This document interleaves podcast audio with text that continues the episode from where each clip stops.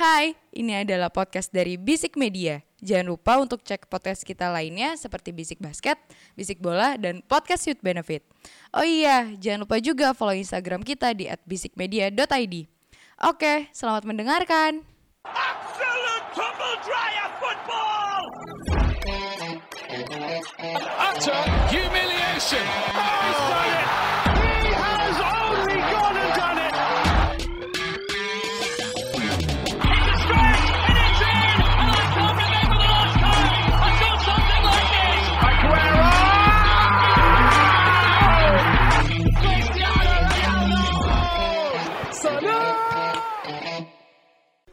Bisik bola.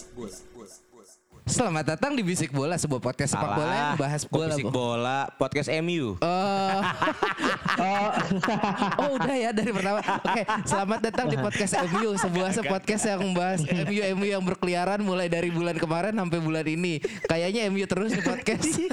Tiga kali cover kita oleh guys. eh ya udah Oleh terus oleh lagi, oleh lagi. Langsung perkenalan aja lah. Ini gua eh, Aji Badut kembali lagi di sini setelah kemarin absen. Sorry ya guys, ada kerjaan kemarin. Haji Solskjaer. Gak apa-apa Ji, gak apa-apa Ji. Ada siapa lagi nih? Yo.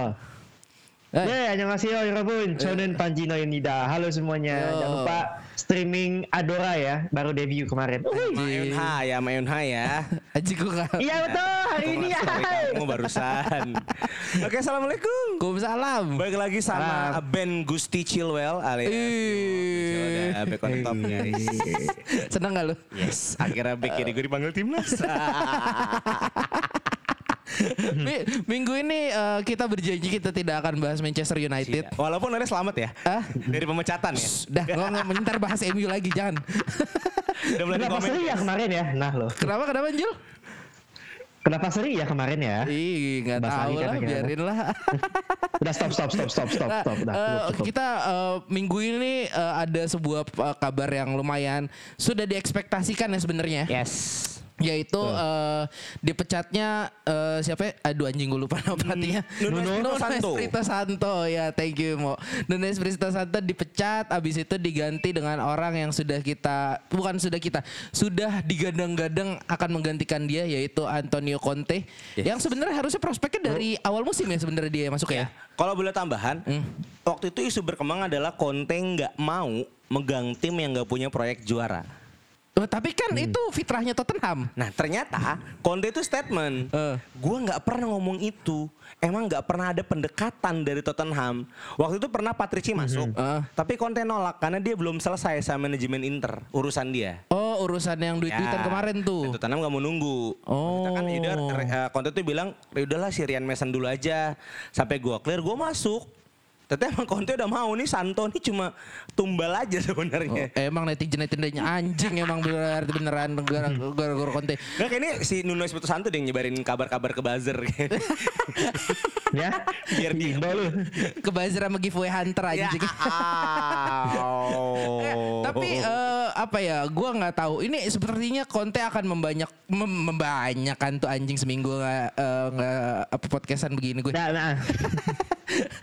akan membawa banyak perubahan ya sepertinya untuk eh, Tottenham kayaknya kalau kalau dari gue lihat-lihat sih kayaknya bakal dirombak rombak abis sih Eh, tengah jadi. tengah ke belakang sih menurut gue yang bakal dirombak Bisa jadi. kalau menurut lu gimana Jul nih soal si Conte datang dulu nih ke Tottenham Jul Oke, sebelumnya gue ke Nuno dulu ya. Sebenarnya sayang banget sih karena gini. Eh, Conte menurut gua ke depannya akan menggunakan formasi defaultnya dia. Apa? Apa coba tebak? tiga Tau kan? Apa? tiga apa, dua lima mau? dua 352 atau 343? 352 betul. 352 gitu kan. Nah, yang gue sayangkan adalah kenapa Nuno nggak pakai 352 di Tottenham Hotspur karena sebelumnya Nuno di Wolves itu pakainya apa? 352 Ya. sejatinya seperti itu. Nah, mungkin ada pressure karena ya kita beda kita ngomong secara faktual misalnya Wolves dan Tottenham Hotspur kan eh, bisa dibilang Spurs di atas ya dan Dikit, punya pressure untuk bermain dikit. ofensif seperti itu. Spurs di atas Nah. di atas di atas Wolves dikit tapi Harusnya seperti itu kan. Ada pressure-nya di sana. iya At Nah, mainnya kalau Europa kita membicarakan penunjukan Conte di Tottenham Hotspur, menurut gua ini menunjukkan kan eh, Conte kan gosip ada ada dua tim yang eh sebelum dia ke Hotspur kan ada gosip mau ke United kan. Iya. Berarti kan di, di, di- kelihatan dong mana tim yang punya ambisi buat memperbaiki dapurnya tuh yang mana? Ya, Iya. Betul. Ya, oke. Saya setuju Tapi- untuk nah. statement itu. Oke, kalau kita ngomongin Conte, Conte adalah uh, menurut gue pelatih Magic menurut gue dia tuh bisa pokoknya jangan Anjing Halo? Magic, Magic pelatih pelatih Magic bisa ngaceng ya pelatihnya ya di di lus lus. iya bener nama tuh kalau dilus-lus sama ya. Begini dia bisa dia bisa memberikan perubahan secara instan karena Isu Magic. Uh, kalau kita lanjut. kalau kita lihat kemarin di Chelsea setu semusim juara ya mau semusim juara ya? Musim juara, musim musim pertama juara. musim juara. Musim juara. Nah kalau misalnya kita gue ngomong ke ini ya ke sisi lapangannya ya bagaimana nanti Antonio Conte akan men-setup timnya men-setup Spurs. Yang tadi gue bilang kemungkinan Conte akan menggunakan formasi defaultnya 352 di uh, ke depannya sama Spurs Eh, menurut gua ada beberapa gua agak setuju sama Aji, Aji, Aji tadi. Dia mungkin akan merombak eh, beberapa posisi yang ada. Karena menurut gua ada beberapa bolongnya Spurs ini yang kalau misalnya Conte mau masang permainan maksimalnya dia belum bisa buat saat ini. Karena masih ada yang bolong. Jadi gini 352 kalau kita ngomongin permasalahan Spurs di musim ini adalah mereka itu bisa membawa bola ke final third. Tahu final third gak? Ya tahu. ke depan. Ah, ke garis pertahanan ya? lawan lah ibaratnya. Iya, tapi sampai situ aja dia agak sulit membawa bola ke dalam lapangan, kayak dalam lapangan, Dalam ke dalam kotak penalti. Kotak penalti. Ya, kotak penalti maksudnya gitu. Bawa ke dalam Jadi lapangan mah gak usah main bola. Iya, out mulu ya. Jadi passingnya Spurs itu ke final third itu urutannya kelima di liga. Tetapi untuk masalah passing ke dalam kotak penalti urutan ke-15. Maka dari itu mereka seret, seret gol. Tapi yang menarik adalah Spurs itu kemarin punya shot efisiensi yang gede.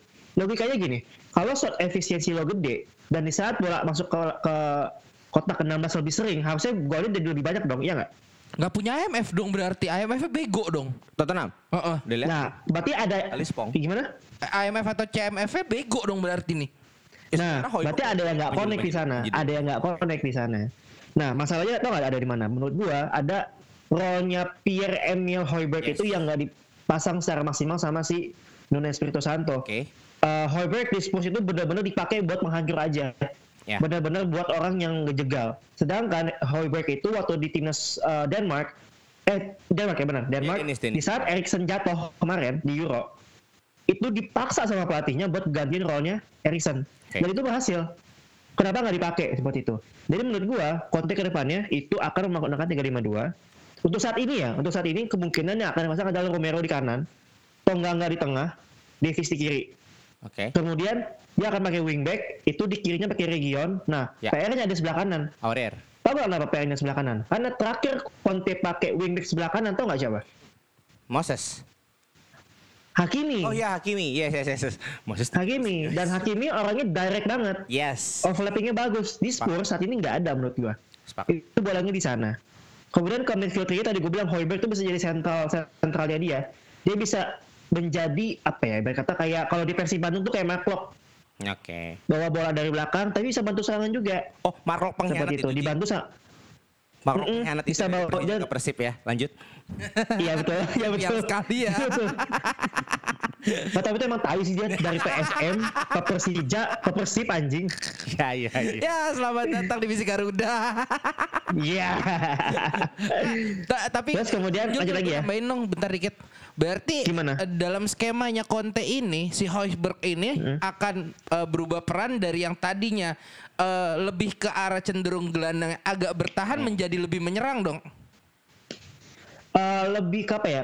Pivot sih menurut gue lebih ke pivot hitungannya. Oh, pivot. Kayak Pogba di Juventus. Gue lebih sepakat kayak Wisnaldum waktu era Klopp, Ji. Eh, itu dia nggak Bisa enam loh, dia di tengah bisa loh. Depan gitu loh. Jadi Iya, bisa bisa. Iya. Lanjut lanjut. Heeh. Nah, kemudian kalau itu tengah tadi di Hoiberg ada Lo Celso sama Dombele. Kemudian buat depan itu gue tetap season sama Kane. Cuma dia, mereka bakal ganti-gantian masuknya. Eh Son ini bakal bakal meranin perannya Lukaku di Chelsea Oke. yang punya dynamic run. Jadi yang mancing-mancing. Sedangkan nanti Harry Kane akan nunggu bola. Oke. Bola muntah. Kan Kane kan si sharpshooter banget nih. Ah, Nah dia akan menjadi ngambil-ngambil bolanya tuh seperti itu kalau dari gua. Oh. Kurang lebih seperti itu. Oke, k- kalau dari lu gimana mau? Oke, kalau ngomongin uh, Hoiberg, gue sepakat. Karena emang waktu Mo masih di Tottenham, penyelamat Mo itu adalah Pierre-Emile Hoiberg. Ini pemain yang under value dibeli dari Southampton dengan tidak eh stock city Southampton gue lupa dengan tidak ada ekspektasi justru ini penyelamatnya karena Hoiberg emang bisa main kayak uh, Gigi Wijnaldum gitu loh bisa jaga belakang buat menghancur uh, passing musuh dan bisa direct ke depan. Nah, sedangkan ketika eranya si Nuno yang diplot ke IMF adalah Alice Pong. Once again, Dele Yang Dele sebelumnya pun sebenarnya nggak terlalu kepake kan mau? menurun ya kan Iya, iya. dengan gaya rambut barunya ya dengan rasta-rastanya itu kan. nah, memang eh, kesalahan terbesar ada di Hoiberg. Kedua adalah yang gue takutin ketika masuk era Conte, betul kata Panji, nggak ada wingback yang eh, kompatibel untuk me- menggantikan posisi yang Conte selalu pakai. Di Inter dia pakai Hakimi, di Chelsea dia bahkan memaksa Victor Moses mundur ke belakang sebagai wingback karena Ivanovic kayaknya terlalu keberatan pantat jadi nggak bisa lari. nah, eh, tertarik menariknya adalah ini udah uh, mungkin sedikit bocor bahwa wishlistnya Conte untuk skuad Tottenham eh, dilansir dari transfer market official Oke. jadi valid ya guys. Conte ini eh, cenderung mau mengitalikan lagi, mengitalikan eh, Tottenham karena wishlistnya adalah pertama Frank Casey sebagai DMF, ya kan? Casey, Gue melihat, oke. ya sekarang DMF Tottenham siapa sih? Seingat gue itu si, aduh yang dari Lyon tuh gue lupa. Eh lu gue lupa pokoknya yang dari Lyon ya. Dembele bukan? Ndombile, Ndombile kan sebenarnya IMF kan, tapi sekarang cenderung dipasang di belakang terus, ya kan? Dan memang sebenarnya Gede Højbjerg badannya. dan uh, Frank Casey itu akan dipasang karena Frank Casey kan kalau main gue lihat tuh uh, kayak Nemanja Matic awal-awal muda ya. Hmm, Masa ya, ya. kemasan di Chelsea-nya ya bukan Iya, di iya. MU. Seperti itu. Dia bisa uh, cut serangan. Mungkin tidak se agile Kante, cuman ya Kante kan emang Ya lu another membandingin sama Iya, Kante lu makanya. gila lu anjir. Ya, sekarang kan MF terbaik ya Kante lah Iya, dengan Casemiro ah, gitu kan. ah. Apa itu Eh, Fabinho ya nggak usah. nah, Casey ini bisa menggantikan dan kedua untuk penyuplai ke depan dia akan membeli Nicolo Barella dari Oh, Inter. Barella, oke. Dengan pengalaman yang cukup di Inter Setuju. Ba- Barella sangat mem- me- menjadi pahlawan Inter dan Itali. Ya nggak nggak nggak heran gue Barella akan dibeli untuk penyeimbang. Jadi Hoiberg feeling gue Hoiberg ini akan jadi pemain kunci. Feeling gue ya untuk ketika nanti Hoiberg gak bisa main untuk di belakang ada Casey. Oke. Jadi Hoiberg fokus ke depan. Oke. Kalau dia mau ke taruh belakang ada si Barella untuk ke depan, untuk penyeimbang lah. Ya ya tapi ya siap-siap lah Harry Wings itu buat cari klub baru, Ndombele cari klub, klub baru. Conte terkenal loh buat ngeganti skuad total.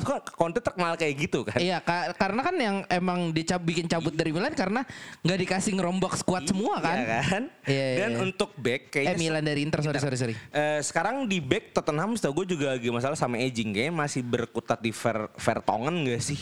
Back tengah sama Banyak sih sebenarnya kalau belakang mah. Iya, tapi justru dia meminta Al- Alessandro Bastoni ini wonderkid dari Inter Milan. Di kemarin dipakai di Itali Bastoni, dan oke, mainnya nggak terlalu jelek.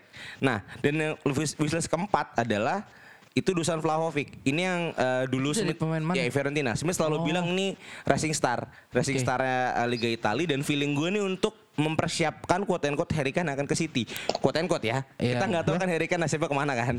Kayak ini akan jadi lini depannya Conte nih si Dusan Vlahovic. Yang paling lucu adalah yang kelima. David Zappacosta ini emang pemain emasnya Conte guys ya kan. Oh, punya Hmm, anak iya, betul. sendiri ya berarti Iya, ya. Di Chelsea dibeli untuk taruh kanan. Zappacosta ya. kan dan buat gue pos possible karena Zappacosta sekarang di Napoli mainnya cukup bagus. Dan Zappacosta itu menurun Chelsea ketika ganti pelatih.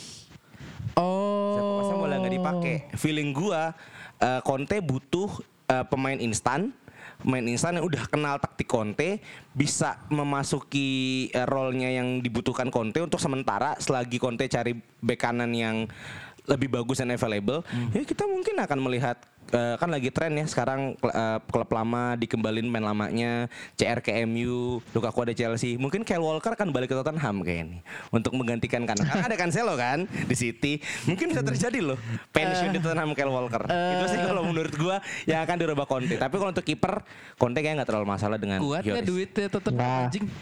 Free transfer tahun depan. Oh free transfer. Tapi gaji kita nggak tahu ya. Nah itu. Tapi kan kayak kal- kalau kita ngomong apa ya ngomong transfer juga ya.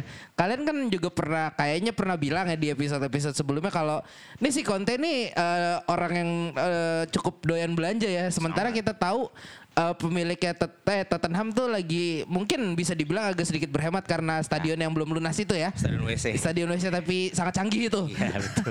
Kayak toilet di Jepang. Dan Levy. Daniel Levy. Iya, dari lebih. Ini akan jadi sebuah apa kayak sebuah halangan gak sih buat Conte itu mengingat juga nama-nama yang tadi lu propose ya Moya itu kan ibaratnya quote and quote racing star. Yes. Ya kita nggak akan tahu nih summer besok harganya akan seberapa. Menurut kalian akan akankah dia akan dapat keleluasaan transfer itu? Gue duluan Ji. Eh, Kalau Oke. buat gue, eh, pemain-pemain tadi yang gue sebutkan, jangan lupa dibeli dari klub Itali.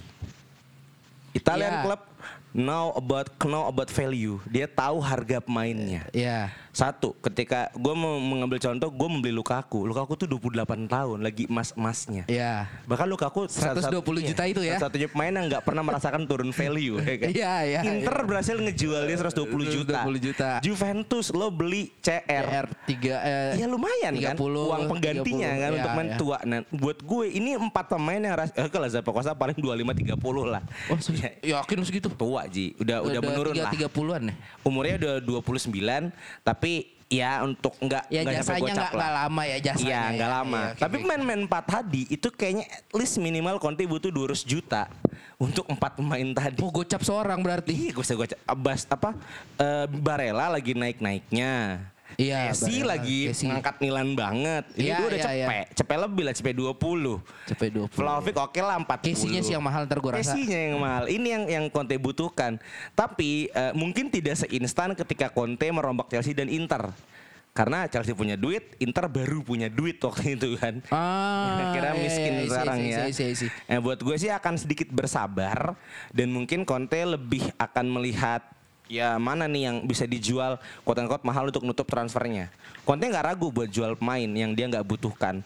Feeling gue kayak Dele Ali bisa dilego 30 juta, lumayan buat nutup uang Casey, ya kan.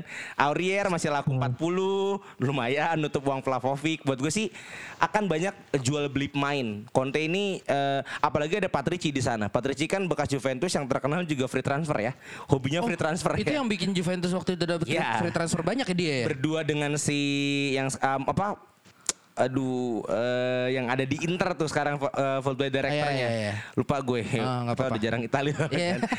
Ah, Marota, Marota. BP Marota Ah, iya. ya terkenal sekali untuk free transfer gitu kan di musim ini aja singkat gue tuh berhasil nge-transfer pemain gratis satu dan itu lumayan penting gue lupa pokoknya dan itu sangat terkenal gitu loh sangat terkenal bisa beli gratis dan melihat di Januari feeling gue ya akan ada beberapa bargain buying sih mungkin Gigi Wijnaldum bisa main di O- opsinya lu lu ngasih opsi berarti rombaknya dari Januari ya, dari Januari, dicicil. Pasti. Ya melihat performa peringkat 8. Kemarin lawan VTC cuma 3-2.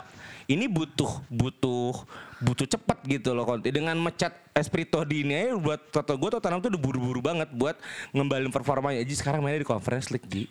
Ya kali lo nggak mau balik ke Europa League at least atau ke Champions League. Feeling gue Januari akan ada perombakan besar-besaran.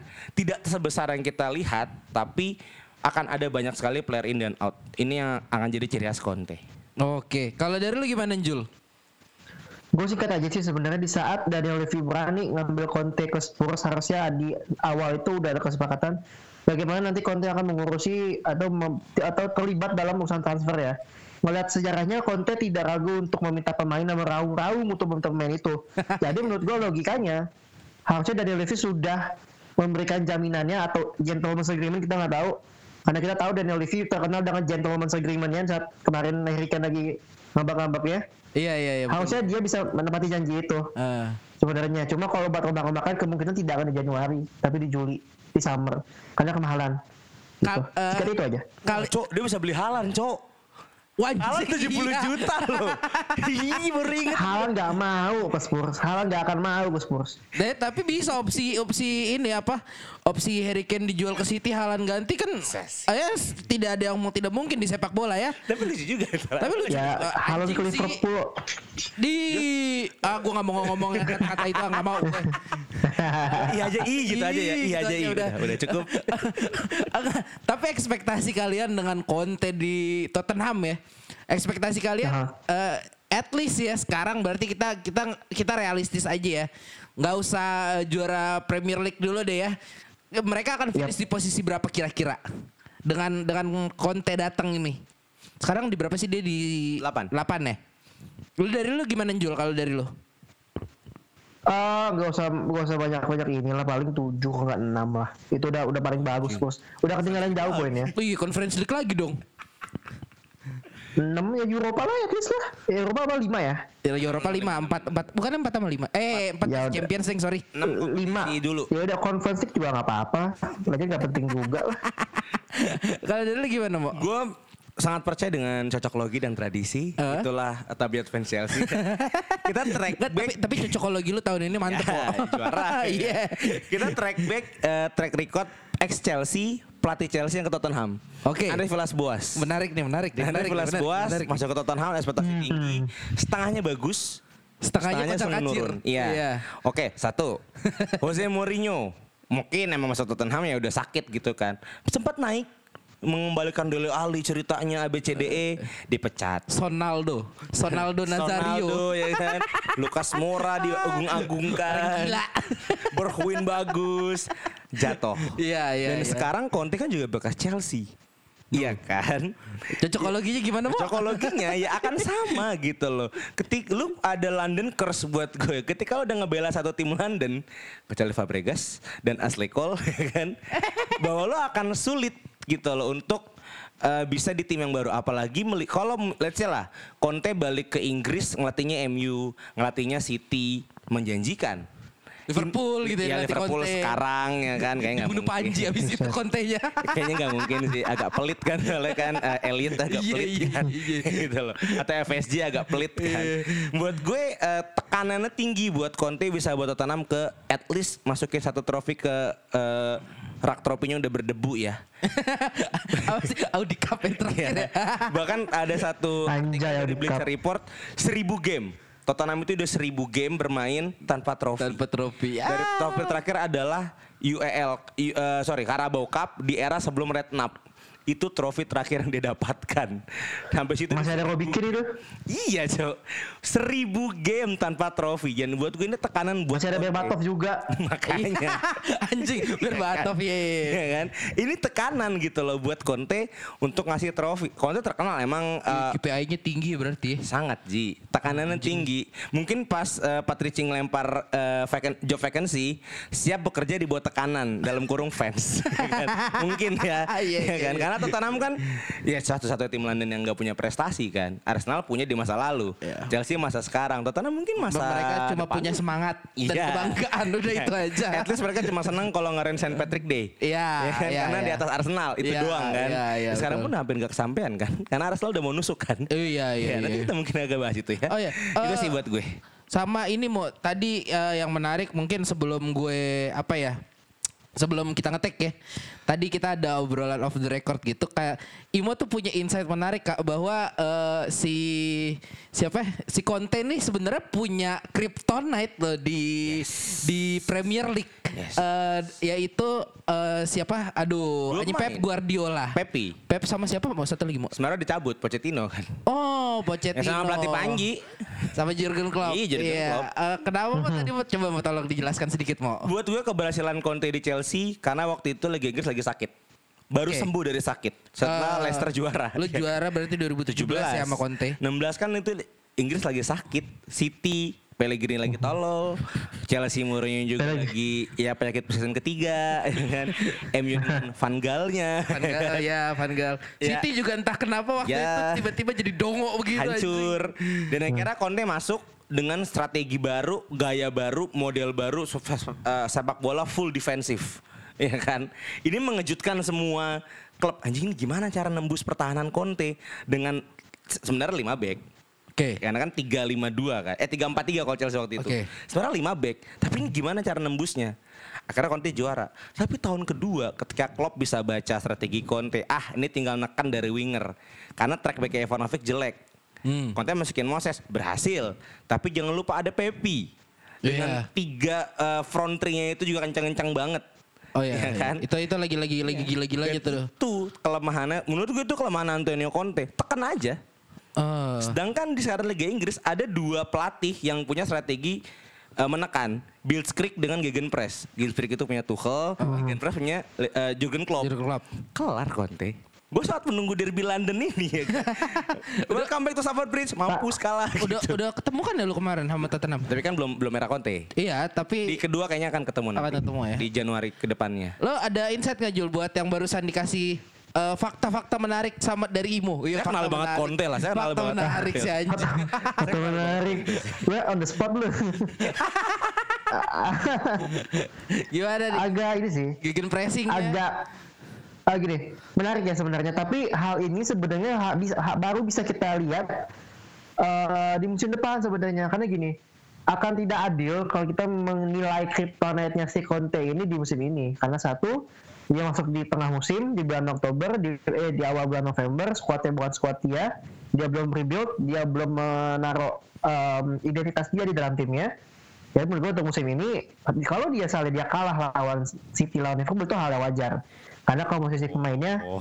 ya segitu aja dan belum main-mainnya dia. Tapi kalau musim depan, kalau kita lihat setelah dia udah dapat udah udah melewati dua transfer window, apakah tetap ada eh, istilah kryptonite itu di buat Conte itu deh. Oke oke oke oke. Kayaknya eh, seru melihat perkembangan Tottenham akan sampai eh, awal liga musim depan ya. Kita Intinya Ji, ki- kita nggak Conte, tahu. eh. you break my heart Conte. Lo bukan pelatih terbaik. Tuchel, tim Tuchel. lah, lu kan udah udah ini udah udah patah hati dua kali dengan pelatih lu pindah ke rival. Sering, sering. Eh, iya sering ya anjing. Gue lupa saking seringnya pelatih. Ancelotti ke Everton. Iya. ya kan? Mau ke MU. Banyak dua kali ke Tottenham Iya, juga. Tottenham, ya kan? iya. Bangsat emang Chelsea. Emang ke Chelsea itu lu kutukan lu karena sering berganti pelatih mungkin Itu itu, dia Mo. tuh. Oke, eh, untuk next topiknya kita mau membahas apa nih? Oh, oh ini Newcastle nih si si anak kaya orang kaya baru ini kayaknya OKB, OKB. nggak masih belum ini ya masih belum apa belum jera jadi ini jadi omongan di media. Yang terbaru adalah eh, dilansir dari banyak berita bola. Gue nggak mau sebut judulnya. Tapi banyak deh yang ngomongin. Katanya Unai Emery itu mau mau dibajak sama eh, Newcastle. Yes. Eh, ini sih sebenarnya gue nggak tahu ya. Eh, berarti Unai Emery akan dapat uang sangat sangat Cash. sangat banyak cash keras sih cash kerasnya banyak nih lebih keras daripada Set. waktu di Arsenal ya cash kerasnya ya Ini kayaknya Newcastle punya Helmi Yahya Ji. Uang kaget. Mister Mister Easy Money Iya. mengingat eh, gimana ya gue tapi walaupun dia cemerlang bersama eh, eh, Valencia Sevilla dan Villarreal. Sevilla dan Villarreal tapi dia punya rekor eh, quote and quote sedikit ternoda waktu di Arsenal ya tapi kalau menurut eh, iya jangan mulai Sabar. Eh, tapi kalau menurut lu gimana Ninjul si eh, Unai akan ke ke apa Newcastle ini menurut lo Newcastle. apakah sebuah transfer eh transfer bukan perekrutan yang bijak dari Newcastle untuk merekrut merekrut si eh, Unai padahal Unai. kan kita bicara fakta Let's say lah ibaratnya Newcastle punya semua sumber daya untuk merekrut memba- merekrut atau membajak semua pelatih yang ada di dunia lah ibaratnya gitu. Hahaha. Gimana?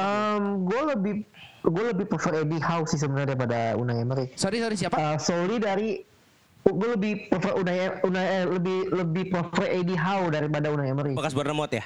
Hmm. Uh, Oke oke. karena gini Newcastle itu walaupun ownernya owner ya tajir lah ya owner tajir itu tapi uh, kulturnya Tun ini tuh kental banget dan menurut gue masih butuh pelatih Inggris di sana menurut gue Oke. dan melihat track recordnya Unai yang kurang baik di Arsenal dan banyak yang bilang salah satu faktor terbesarnya adalah kemampuan dia berbahasa Inggris menurut gua Newcastle ini klub tradisional banget ya Iya. Tun ini tradisional banget walaupun ownernya owner baru tapi butuh butuh orang yang tahu kulturnya dan Eddie Howe itu orang Inggris tulen walaupun dia bukan dari Newcastle bukan dari Tun segala macamnya tapi setidaknya dia udah tahu kulturnya. Karena gue ragu Unai tahu bagaimana kondisi sepak bola di sana di Newcastle. Salah satu satu-satunya klub gede di ya Newcastle gitu.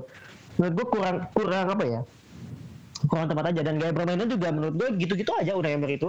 Dia tuh spesialis eh, spesialis cut aja gitu. Sedangkan kan mimpinya Newcastle ini adalah menjadi the new atau the next Manchester City kan ingin menjuarai liga kan Hmm, oke. dan apart apart from PSG menurut gua nggak ada nggak ada tajinya si si Unai ini di di Oh kompetisi iya pernah liga PSG, gitu. Cok. Di Spanyol belum pernah challenge, di Inggris apa lagi? Ya nggak? Anjing gue lupa dia pernah PSG. Iya bener bener bener bener bener bener. Ya kan? Dia pernah Nggak ada tajinya di sana. Tapi kalau kita ngomongin Eddie Howe, eh Eddie Howe nggak juga nggak pernah challenging kok. Tapi ingat dulu, Eddie Howe ini orang Inggris. Setidaknya kulturnya Situn ini dipegang dulu aja. Karena agak sedih kalau misalnya klub seperti Newcastle United yang benar-benar sell out ke City aja ini gitu. Walaupun memang pada akhirnya dan itu adalah silverware ya walaupun ya. Karena kan memang ya apa sih bola yang lo kejar gitu kan piala gitu kan. Iya. Cuma menurut gue untuk untuk Unai enggak sih. Menurut gue kurang kurang kurang lah kalau mau nyari yang bagus nanggung lah jangan Unai yang lebih bagus Zidane gitu Gerrard. wajah Oke gimana sih? Zidane. enggak, enggak Inggris. Zidane masih nyebutnya si anjing Enggak, tapi dia bilang Inggris. Oh, mendingan Eh, Gerrard ya, mendingan Steven ya. Steven Gerrard mendingan gue sih. Inggris, ya Ih, kan? Inggris juga tahu kultur. Ya Rangers. Rangers Iya. sih ya udah bener. Ah. Gerard boleh Gerard boleh seru tuh Kalau dari lu gimana buat si perekrutan on Unai Emery dan Arsenal eh Arsenal kan anjing Newcastle ini. Mungkin karena Panji orang Inggris asli ya. Kalau saya kan Iya, orang gitu. orang internasional. Buat gue eh, Emery bisa jadi eh, rekrutan yang cocok. Satu dia udah pernah merasakan megang tim kayak gue boleh inget ya PSG kan ternyata kan dengan tim dengan harta iya. kan dan mungkin udah punya kemampuan berbahasa Arab ya karena sebelumnya udah udah terlatih di PSG dengan Qatar kan. Nah, Emery sekarang kita bayangkan dengan budget minim di Sevilla dan Villarreal bisa mengantarkan sampai ke final Europa League bahkan di Sevilla juara. Di Villarreal pun juara ingat gue Europa League lawan Oke. MU. Eh Inter sorry. Inter. ah. Ya kan. Kedua eh, melihat di Arsenal, Arsenal itu kan pelit banget ya, krongkel nggak Iya, betul. Itu kan pelit banget, tapi bisa nganterin ke final Europa League walaupun akhirnya kalah sama Kalah sama. Chelsea kan Iya. waktu itu. Ah. Tapi cukup deg-degan juga gue ngeliat finalnya kan. Iya. Nah buat gue dengan Itu to- tos-tosan bukan sih final? enggak akhirnya dibantai. Oke, oke. 4-1. Sorry. Eh, saya nonton di Gojek Festival. nah, sekarang datang ke tim dengan resources yang cukup besar. Lebih besar daripada PSG di PSG aja belanjanya buat gue nggak fantastis sebenarnya. Eh dia di PSG kapan sih? Sebelum Arsenal pak ternyata gue juga. Oh anjing. gue baru inget di PSG. gue cuma tahu dia Sevilla, Arsenal, iya. Villarreal. Gue gue aja dia dokem-dokem di Liga Spanyol doang soalnya. Teman PSG iya. sebelum Tuchel ya kan. Anjing. Nah, uh, yang di comeback itu loh, di comeback nomor satu sama Barcelona itu gak? Ada. Oh iya iya iya. Iya iya iya iya iya iya iya iya. Dengan di PSG udah biasa megang tim kaya dan gue ngeliat ada trans transfer wise dia gitu loh bahwa dia emang beli yang dibutuhkan. Ya terlepas dari budaya, eh, gue belum terlalu paham tentang Tun Army. Tapi kayaknya Ji untuk megang Newcastle nggak nggak hanya skill bahasa Inggris yang dibutuhkan bahasa Arab kayaknya sih. Iya. Ya kan? Ahlan wa Ya sahlan. kan? Dan eh, lucunya, lucunya emang eh, buat gue beberapa tim yang baru-baru bangkit emang nggak terbiasa yang gue tahu ya nggak terbiasa ambil pelatih yang udah bintang. Kita ambil contoh Chelsea 2000 eh, Enam. 4 2005, ya, Oh, 2005, 2004, ya kan. oke. Oke, Mourinho juara di Porto. Tapi dari FC Porto. Ya Iya. kan? Eh, tim kecil. Iya. Ya. Meledak. Oke. City awal emang Mancini langsung. Tapi Mancini terus Enggak, Makius, Makius, Makius dulu gak sih? Mancini, langsung Mancini. Oke, oke, terus. Ya kan? Itu mancininya baru abis kayak eh, ya udah jadi orang biasa lagi Iya. kan waktu itu. Jadi orang dari di Inter bagus, sempat di Itali ya lumayan, akhirnya masuk ke City meledak. Iya, Ya iya, kan? iya, iya. PSG itu awal sekali namanya Leonardo, kan yang sekarang jadi Iya. technical director dan akhirnya emang di era Don Carlo. Bahkan sebelumnya adalah Blanc. Blanc dulu baru Ah. Don Carlo. Oke. Ya kan, jadi pelatih keduanya akan meledak. Jadi emang butuh pelatih yang nggak terlalu bintang untuk tim baru kaya quote and quote ya. Pelatih yang berpengalaman yang dibutuhkan. Nah buat gue Emery mungkin melihat dari track back dia di PSG yang punya transfer wise yang cukup bagus gitu loh. Dia nggak jor-joran ngeluarin duit tapi mempertahankan eh, ya, tradisi juara PSG walaupun gampang sekali ya. Karena si anjing. gampang sekali. Karena kelihatan ketika Pochet akhirnya kalah sama Lille. Lille yang juara Iya. ya kan dan lihat Emery di Sevilla buat gue cukup challenging lah empat peringkat empat peringkat tiga juara Europa League lima kali berturut-turut buat gue itu nggak nggak bisa di nggak nggak bisa dipatahkan lah bahwa dia itu bukan pelatih yang kaleng-kaleng gitu. Dia Iya. pelatih yang emang berkualitas, tapi emang di Arsenal Arsenal yang terlalu pelit gitu loh. Ya, what do you expect dengan pembelian gagal Nicolas Pepe? Ya, Boleh nambahin nggak? Iya, Sedikit. silakan. Waktu di Arsenal juga dia masih punya orang yang kena star syndrome. Iya. Mesut Ozil. Iya ya kan. Eh, yang akhirnya jadi dia- per, i- quote Iya. quote permasalahan salah satu permasalahan di waktu itu kan Dan juga sekarang di zaman Arteta kan ada Ozil challenging kan lumayan kan? Iya, b- baru menang lagi nih Nah, Arsenal. itu dengan Newcastle yang siapa sih yang Star Syndrome? Apakah Jamalah Skeles atau Alan Saint Maximin ya kan? Iya, Buat iya, gue iya. Emery bisa untuk setidaknya menstabilkan saya peringkat 4 sehingga Newcastle punya daya tarik lebih selain uang adalah posisi yang challenging baru nanti akan ada pelatih Ya. bintang ke Newcastle. Feeling gue 2 3 tahun akan Unai Emery dan eh, akan masuk ke pelatih bintang. Tapi pertanyaan ini buat Panji kan eh, memang ada tradisi pelatih Inggris. Pertanyaannya, pelatih Inggris mana Ji yang masih berkualitas? Wah, berat sekali anak setan. anak setan. Wajah. Oh, keren, keren, keren, keren, keren. Tidak Nggak ada sih jawabannya. tidak ada lagi. Oh, Southgate Nggak ada lagi. tidak tidak berkualitas ya. Dia tertolong dengan Oh, tidak. ya. Ini kayak main Indonesia U23 bagus yang kena klub. Ya kan kena klub tahu duit jelek. Nah, itu. Kena klub Iya, bener. gemulu. Iya, Southgate itu terselamatkan. Bahkan sampai sekarang Southgate nggak ada intensi mau ngelatih klub kan, karena dia Iya, tahu iya. di situ saya hancur sama owner saya nih Iya, dan iya. fans saya gitu loh. Jadi buat gue ya Eddie Howe bagus, boleh juga opsi untuk eh, awal Newcastle, tapi kayaknya ya Unai Emery juga bukan hal yang jelek. Dan lucunya Ji, ini ada koalisi kotor antara the Big Six yang sepakat akan menjegal Newcastle untuk tetap ada di Liga 1. Jadi mereka sepakat akan mencetak banyak gol kalau Newcastle untuk menjegal Newcastle Liga 1 jadi harus turun ke Liga 2 untuk menjegal kehadiran City Part 2. Yang anjingnya yang mulai adalah Manchester City. Nggak tahu diri. Nggak tahu diri si Nggak tahu anjing. diri. Emang Qatar lawan Arab. tetangga berisik emang anjing. Arab, anjing. Nah, tapi ya, ta- tapi tapi gue gue mau menambahkan ya. Mungkin dengan Unai Emery gue rasa eh, si Newcastle ini eh, kalau kata eh, orang Jawa alon-alon asal kelakon. Pelan-pelan Oke. tapi pasti. Anjing orang Nah, eh, Joko Emery.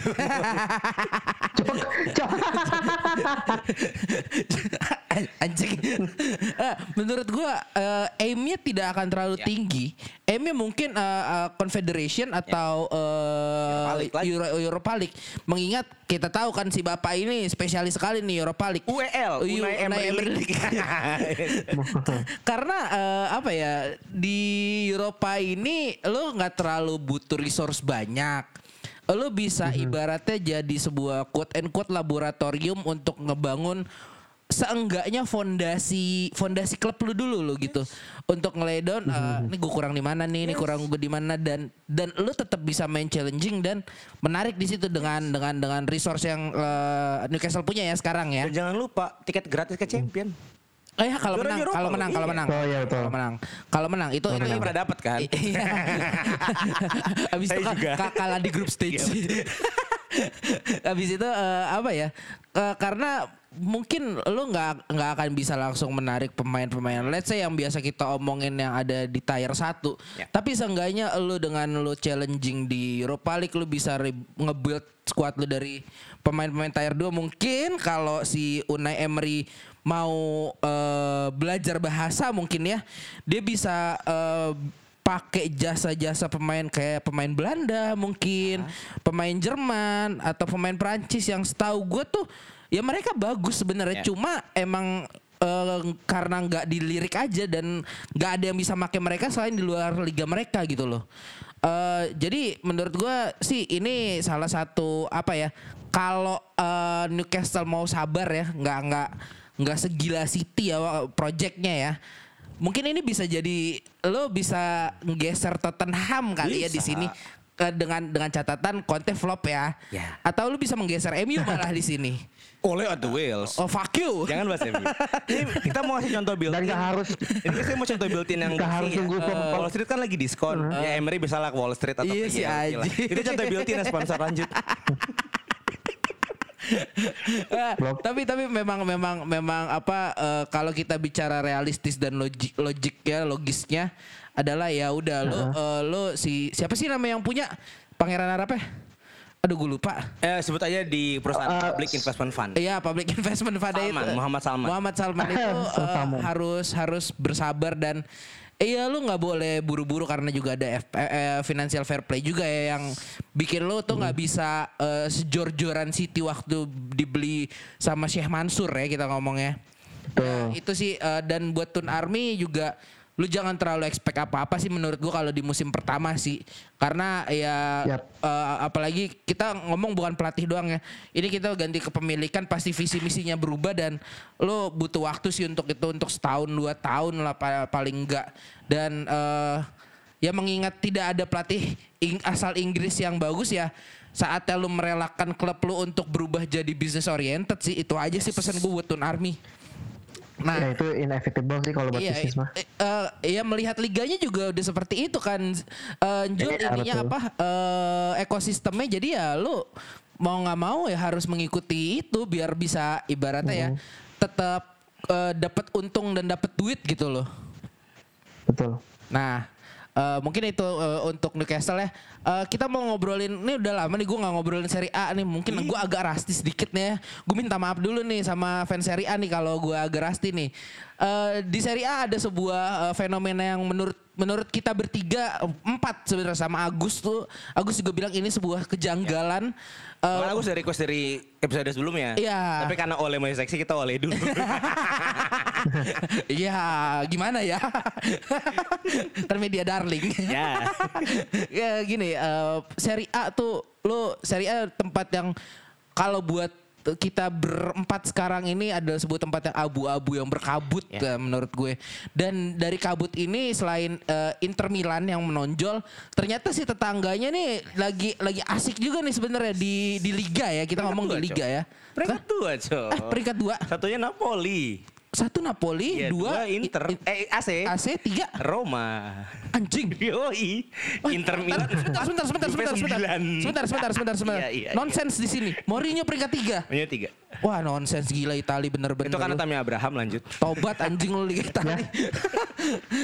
Iya, AC Milan, AC Milan ya kita sudah tahu lah AC Milan dengan tujuh kali juara Championsnya Ya. itu yang eh, Mulai baru 6 Liverpool kan. yang yang Milan yang, yang harus nih, biar, Iya. biar Panji senang, yang harus kalah di Istanbul dengan dramatis itu. Ya, tapi dibalas. Ya, dibahas dua tahun kemudian.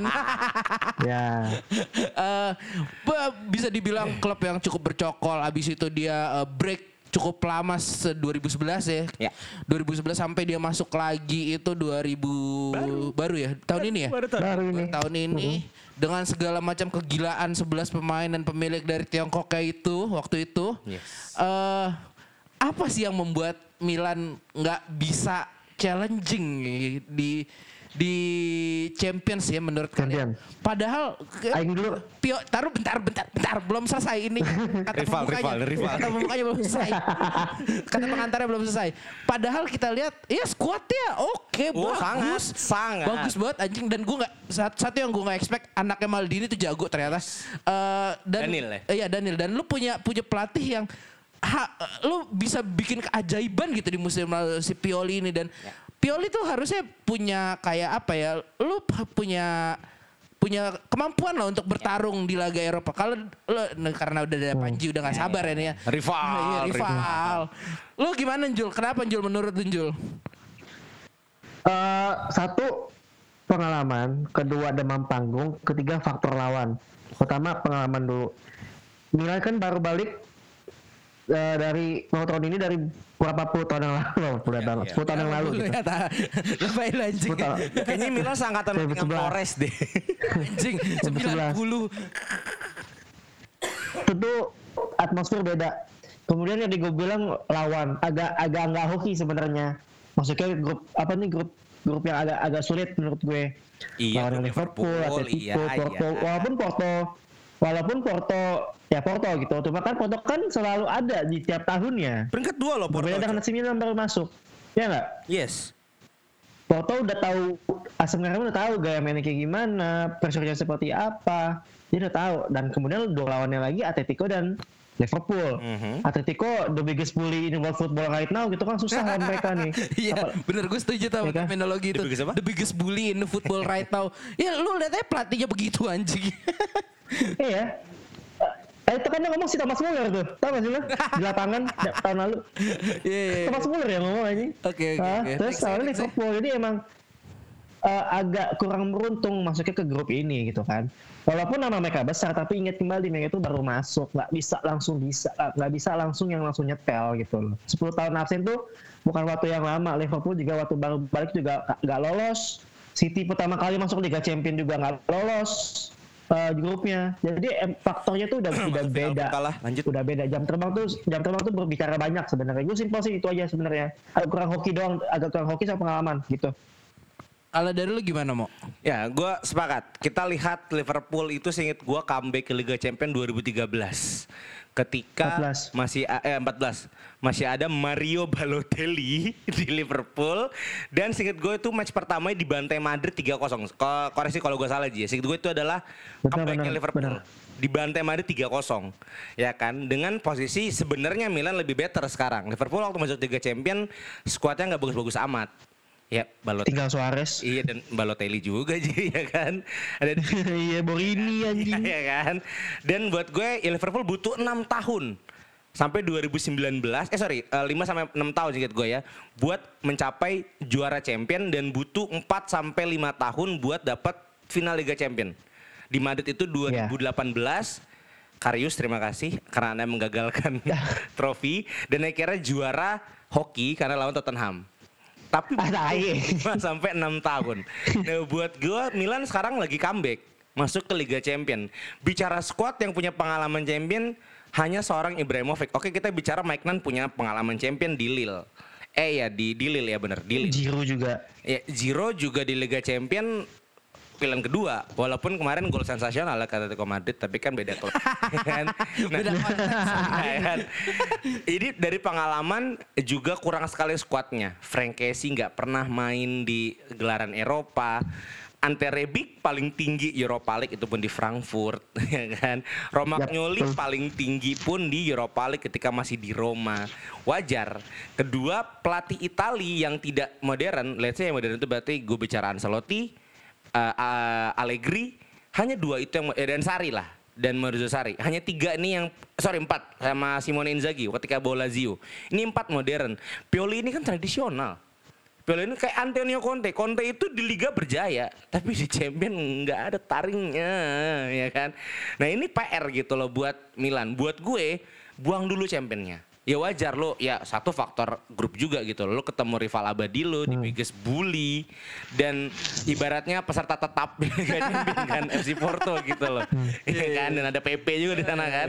buat gue ya salah salah masuk grup kurangnya pengalaman dan mungkin at least tidaknya dia dengan berlaga di champion dan nanti lolos ke Liga Champion dengan status up atau ju- gue berharap juara sih. Karena Juventus lagi jatuh Inter juga lagi lumayan jatuh lo akan punya mentalnya ke depannya ingat Liverpool butuh 4 sampai 5 tahun buat balik ke performa gitu loh bahkan gue butuh 8 Betul. tahun buat juara ya kan 2004 masuk 2012 baru juara sejauh itu perjuangannya 2012, 2020 baru juara lagi. bisa jadi Enggak enggak Chelsea. Oh Chelsea iya. Eh, Sejauh enggak, gue udah bicara dari 2004. Enggak enggak ya ju- lu Ya. juara juara 2012, juara lagi 2020. 2020 sejauh itu kan. 8 tahun, 8 eh, tahun. sama 8 tahun juga. Debut gue 2004 masuk eh, lolos 2004 2005, juara 2012 8 tahun. Berarti gelar ketiga 2028. Cocokologi dong, cocokologi dong. Oh, lama juga. itu anak hadap demai. Cocokologi dong. Anjing aja dibalik. ya itulah itulah ya AC Milan ya. Enggak tapi tapi gue gue menarik yang buat gue menarik adalah demam panggungnya ini demam panggung. Lu tuh kayak ibaratnya lu eh, apa ya lu rockstar. Yes. Lu lu lu bintang panggung di situ abis itu lu hiatus gara-gara la- let's say narkoboy lah abis itu lu disuruh tampil lagi di depan ribuan orang. Iya sih itu eh, apa ya sebuah cobaan yang berat sih. Meskipun kita tahu pelatihnya oke, skuad kedalaman skuadnya juga oke, tapi lo butuh waktu untuk beradaptasi dengan glamornya panggung itu lagi sih menurut gue. Dan dan lo lo nggak nggak nggak nggak bisa berbuat apa-apa kecuali berdamai dengan waktu sih kalau itu. Dan Milan pun berjaya ketika masih era sepak tradisional kan 2007. Iya, iya, Kita iya. tidak iya. bicara uang gitu. Iya, kita tidak bicara uang Unit money Ah. gitu loh buat juara Liga Champion. Hmm. Itu juga 2007 kita tahu eh, skuadnya Milan dibangunnya mungkin dari tahun 2000 mungkin ya. Iya. Iya, Jauh iya. itu buat ngebangun skuad. Da- ya, eh, jadi kalau eh, mungkin dari kesimpulan kita tidak ada yang salah di Milan. Tidak. Kecuali eh, lu waktu aja ya yang yang akan menentukan anjing waktu yang menentukan. Ah, Yuk OTW Aji Prambors. Nggak, kayaknya kita masih bisa sa- bahas satu Boleh, satu topik boleh. lagi nih. Satu topik lagi. Boleh. Gua gua gua sangat amazed dengan perkembangan Arsenal di 9 Yes. match terakhir. Gua sangat tidak expect setelah dibantai 5-0 sama City, dia menang eh, nggak menang, sorry. Dia nggak kalah di 9 laga selanjutnya sampai yang terakhir kemarin ya. Tapi tidak ada yang bahas karena oleh. Tapi ya kalian tertutup oleh walaupun ya Iya. memang kalian butuh oleh untuk jadi seperti itu. Eh, apa apa nih Arteta kenapa ini menurut kalian kawan-kawan? Dari lu mungkin Jul? Um, sebenarnya kalau kita ngomong tentang Arsenal ya, kalaupun 9 pertandingan tidak terkalahkan, uh, otomatis lawan yang beratnya dia cuma sebenarnya lawan yang ekspektasi gue mereka kalah. Hmm. Itu Leicester City. Tapi Yes. kalau misalnya ke belakang lagi, gak ada lawan yang berat juga sih sebenarnya. jadi. Ketolong di situ. Jadi run uh, run ini dia di beberapa pertandingan terakhir ini di- ditolongkan dengan lawan-lawan yang kelasnya di bawah dia Hmm, oke. seperti itu. Notable cuma dua kok, cuma eh, Leicester City sama Tottenham Hotspur. Cuma Spurs lagi jelek juga. Leicester City sih yang gue agak kaget sih kalah lawan Arsenal tuh kayak harusnya Leicester bisa menang gitu. Ah, menurut gue ini tunggu waktu aja, tunggu waktu aja. Tunggu waktu. Karena gue masih belum yakin dengan Jul? gue masih belum yakin dengan gaya permainan Arteta. Oke. Dia masih rely sama beberapa salah satu individual aja. Uh, terutama uh, Aaron Ramsdale ya semenjak Boneno agak di uh, Boneno diturun diganti sama Aaron Ramsdale kemarin di tiga empat pertandingan terakhir Aaron Ramsdale tuh mainnya bagus banget. Waktu lawan Leicester pun gue inget banget tendangan bebasnya James Madison kena tiang itu ke tepis dia Yes. sampai ke uh, clearance-nya tuh di, di, di, di garis gawang gitu. Sorry Jadi emang sampai bapaknya penjaga gawang Leicester itu muji Aaron Ramsdale bro. Sebentar. Iya, Peter Schmeichel. iya. Oh. Ini kan anaknya main ya. Tapi ini puji musuhnya. ini kocak tuh. Iya. Lanjut lanjut lanjut. Ya karena ya karena kan pada akhirnya kan kredit sama Rich tuh gitu. Kalau lo main bagus ya lo dipuji gitu kan. Kalau lo main jelek ya lo dipitai-taiin dan Aaron Ramsdale bermain sangat sangat brilian gitu. Jadi pembelian yang ini kan pembeliannya Edu ya pembeliannya Edu ya. Oke. jadi akhirnya ada pembelian si Edu ini yang bekerja dengan baik sejauh ini. Aaron Ramsdale itu step yang gede loh bro. Lo bener-bener ngedrop Ben Leno kiper Jerman yang agak punya nama di Arsenal agak punya nama di dunia Ya, ya. diganti dengan kiper lokal Aaron Ramsdale yang datangnya dari Sunderland dulu Yes. apa Sheffield itu gue lupa dan dia step up ini bagus banget tapi kembali secara kolektif menurut gue Arsenal masih mainnya masih belum ada belum ada bentuknya gitu masih ketolong beberapa eh, penampilan individual notable tadi gue bilang Aaron Ramsdale kemudian ada eh, siapa eh, Smith Rowe Smith Rowe Lutro, Em, the siapa? number 10 loh. Ya, nomor itu. 10 loh dia loh. Ya itu Smith Rowe. Dua pemain ini sih yang paling gue sering lihat banget kalau gue lagi uh, ngelihat skim pertandingan Arsenal yang selalu muncul nama itu selalu dua ini yang selalu di training adalah dua nama ini. Nah, mau sampai kapan Arsenal mau main tidak kolektif tapi pemain uh, dari beberapa individu aja. Bukayo Saka juga uh, udah mulai membaik juga. Harusnya sih makin ke sini Arsenal makin baik ya. Uh, cuma ya itu tadi gue bilang Arteta masih belum mencapai height-nya dia. Dia tuh masih di bawah shadow-nya Pep Guardiola. Ya. Seperti itu. Oke, gue masuk masuk dikit. Buat gue, karena gue cocok logis sekali lagi. Iya. Aaron Ramsdale ini adalah jimatnya, jimat kemenangan Arsenal. Dilihat rekor impresif, cukup impresif di match-match terakhir. Ramsdale cukup banyak menyelamatkan juga. Oke. Ya kan, walaupun ada beberapa kali seri dan memang agak kebobolan gol lawan Crystal Palace, tapi mungkin Ramsdale ini memberi rasa aman pada back gitu loh. Eh, At least kalau nggak mungkin ya, mengayomi ya. Apalagi eh, kenapa Ji? Gue lupa satu pemain bro. Ya, siapa? Itu loh siapa defender Jepangnya tuh. Tomiyasu. Oh, Tomiyasu. Oh, itu. Ya, Iya. itu juga. Bagus tuh. Itu juga bisa aja. Gue ngeliat Tomiyasu itu kayak awal Rudiger di Chelsea. Bisa ditaruh di kanan, tapi ke tengah juga. Kebalikannya kalau dia kan emang kanan, ngover tengah. Kalau lu Rudiger bisa ke kanan ketika Moses maju ke depan. Nah buat gue Tomiyasu menggantikan posisi itu. Ya kan dan ternyata Magalhaes cukup cocok main sama Tomiyasu. Eh sorry, Magalhaes kan di tengahnya itu sekarang dipasang back termahal Inggris ya 50 eh, di bawah Maguire tapi pasti Ben White. Jack yang mungkin secara defensive wise nggak terlalu oke tapi merasa aman karena ada si Tomiyasu. Ketika Ben White-nya Pak O kan, Iya. ya mungkin takutnya bengong-bengong kayak lawan Leicester kan, kita tetap ada MU-nya guys ya. Itu diamankan dengan ada Gabriel dan Tomiyasu. Jadi buat gue ini nggak lepas dari kecermatan Arteta yang tidak mau membuang uangnya ya dengan rugi. Ben White dimainin cukup bagus, Tomiyasu oke dan keberhasilan juga karena menggeser Lacazette dan PP yang nggak lagi main di pos itu. Justru membangkitkan Emil Smith-Rowe dan Bukayo Saka dan Odegaard ini tiga muda yang bisa membawa Arsenal maju ke depan. Anjing, iya Odegaard. Kita bicara ada Pires Lundberg nanti nih penggantinya kan mungkin ya kan. Oh, Em, oke, oke, oke. Lundberg dan ya Vieira mungkin akan ada lagi nyawa-nyawa itu. Henry, Henry diganti sama Bomeyang. Oh, ya kan? Sama-sama Prancis. lah anjing Aubameyang gantiin Henry gila lu. Buat gue sih itu sih kuncinya Arsenal dan mungkin at least pemainnya udah mulai udah mulai nurut sama Arteta ya kan udah lepas bayang-bayang City-nya dan lo lo legend ya gitu Iya, mungkin ya mungkin bisa, ya. bisa, bisa. Jadi udah agak percaya sih di backroom. Cuma gue nambahin dikit aja nih terakhir. eh, menurut gue mereka dapat moral boost sih ini sebenarnya. Dari? Eh, pertama itu eh, lu kalah dari City nih. Yes. Eh, Arteta Betul. pasti butuh pembuktian dong untuk mengamankan posisi dia. dia. Let's eh, kita eh, bilang sampai pertengahan musim aja lah. Ya, ya. Itu di situ. Mungkin dia eh, merubah treatment ke pemainnya di situ. Jadi eh, lebih keras atau gimana? Jadi Bisa. le- lebih lebih nurut kalau kalau menurut Imo ya. Hmm. Dan itu moral boost pertama. Moral boost kedua itu adalah mereka bisa mengatasi Leicester. yes. Leicester di mana ke- kalau kita bilang Leicester sekarang bukan tim kacang-kacang lah. Bukan. Dia eh, bisa bisa nyodok di tiga empat lima lah seenggaknya dengan dengan setelah mereka juara itu ya. Setelah setara Tote 2 tahun lalu lagi. Iya, setara Tote dua tahun lalu benar benar benar. Yang ketiga itu menurut gue moral booster besar mereka adalah mereka menang derby North London. Oh iya, co. Mereka menang derby North London. Intinya tuh Oh di iya, situ. benar, benar. Iya, benar, benar. Arsenal sama Tottenham itu terakhir Arsenal kan yang menang. Terakhir Tottenham justru.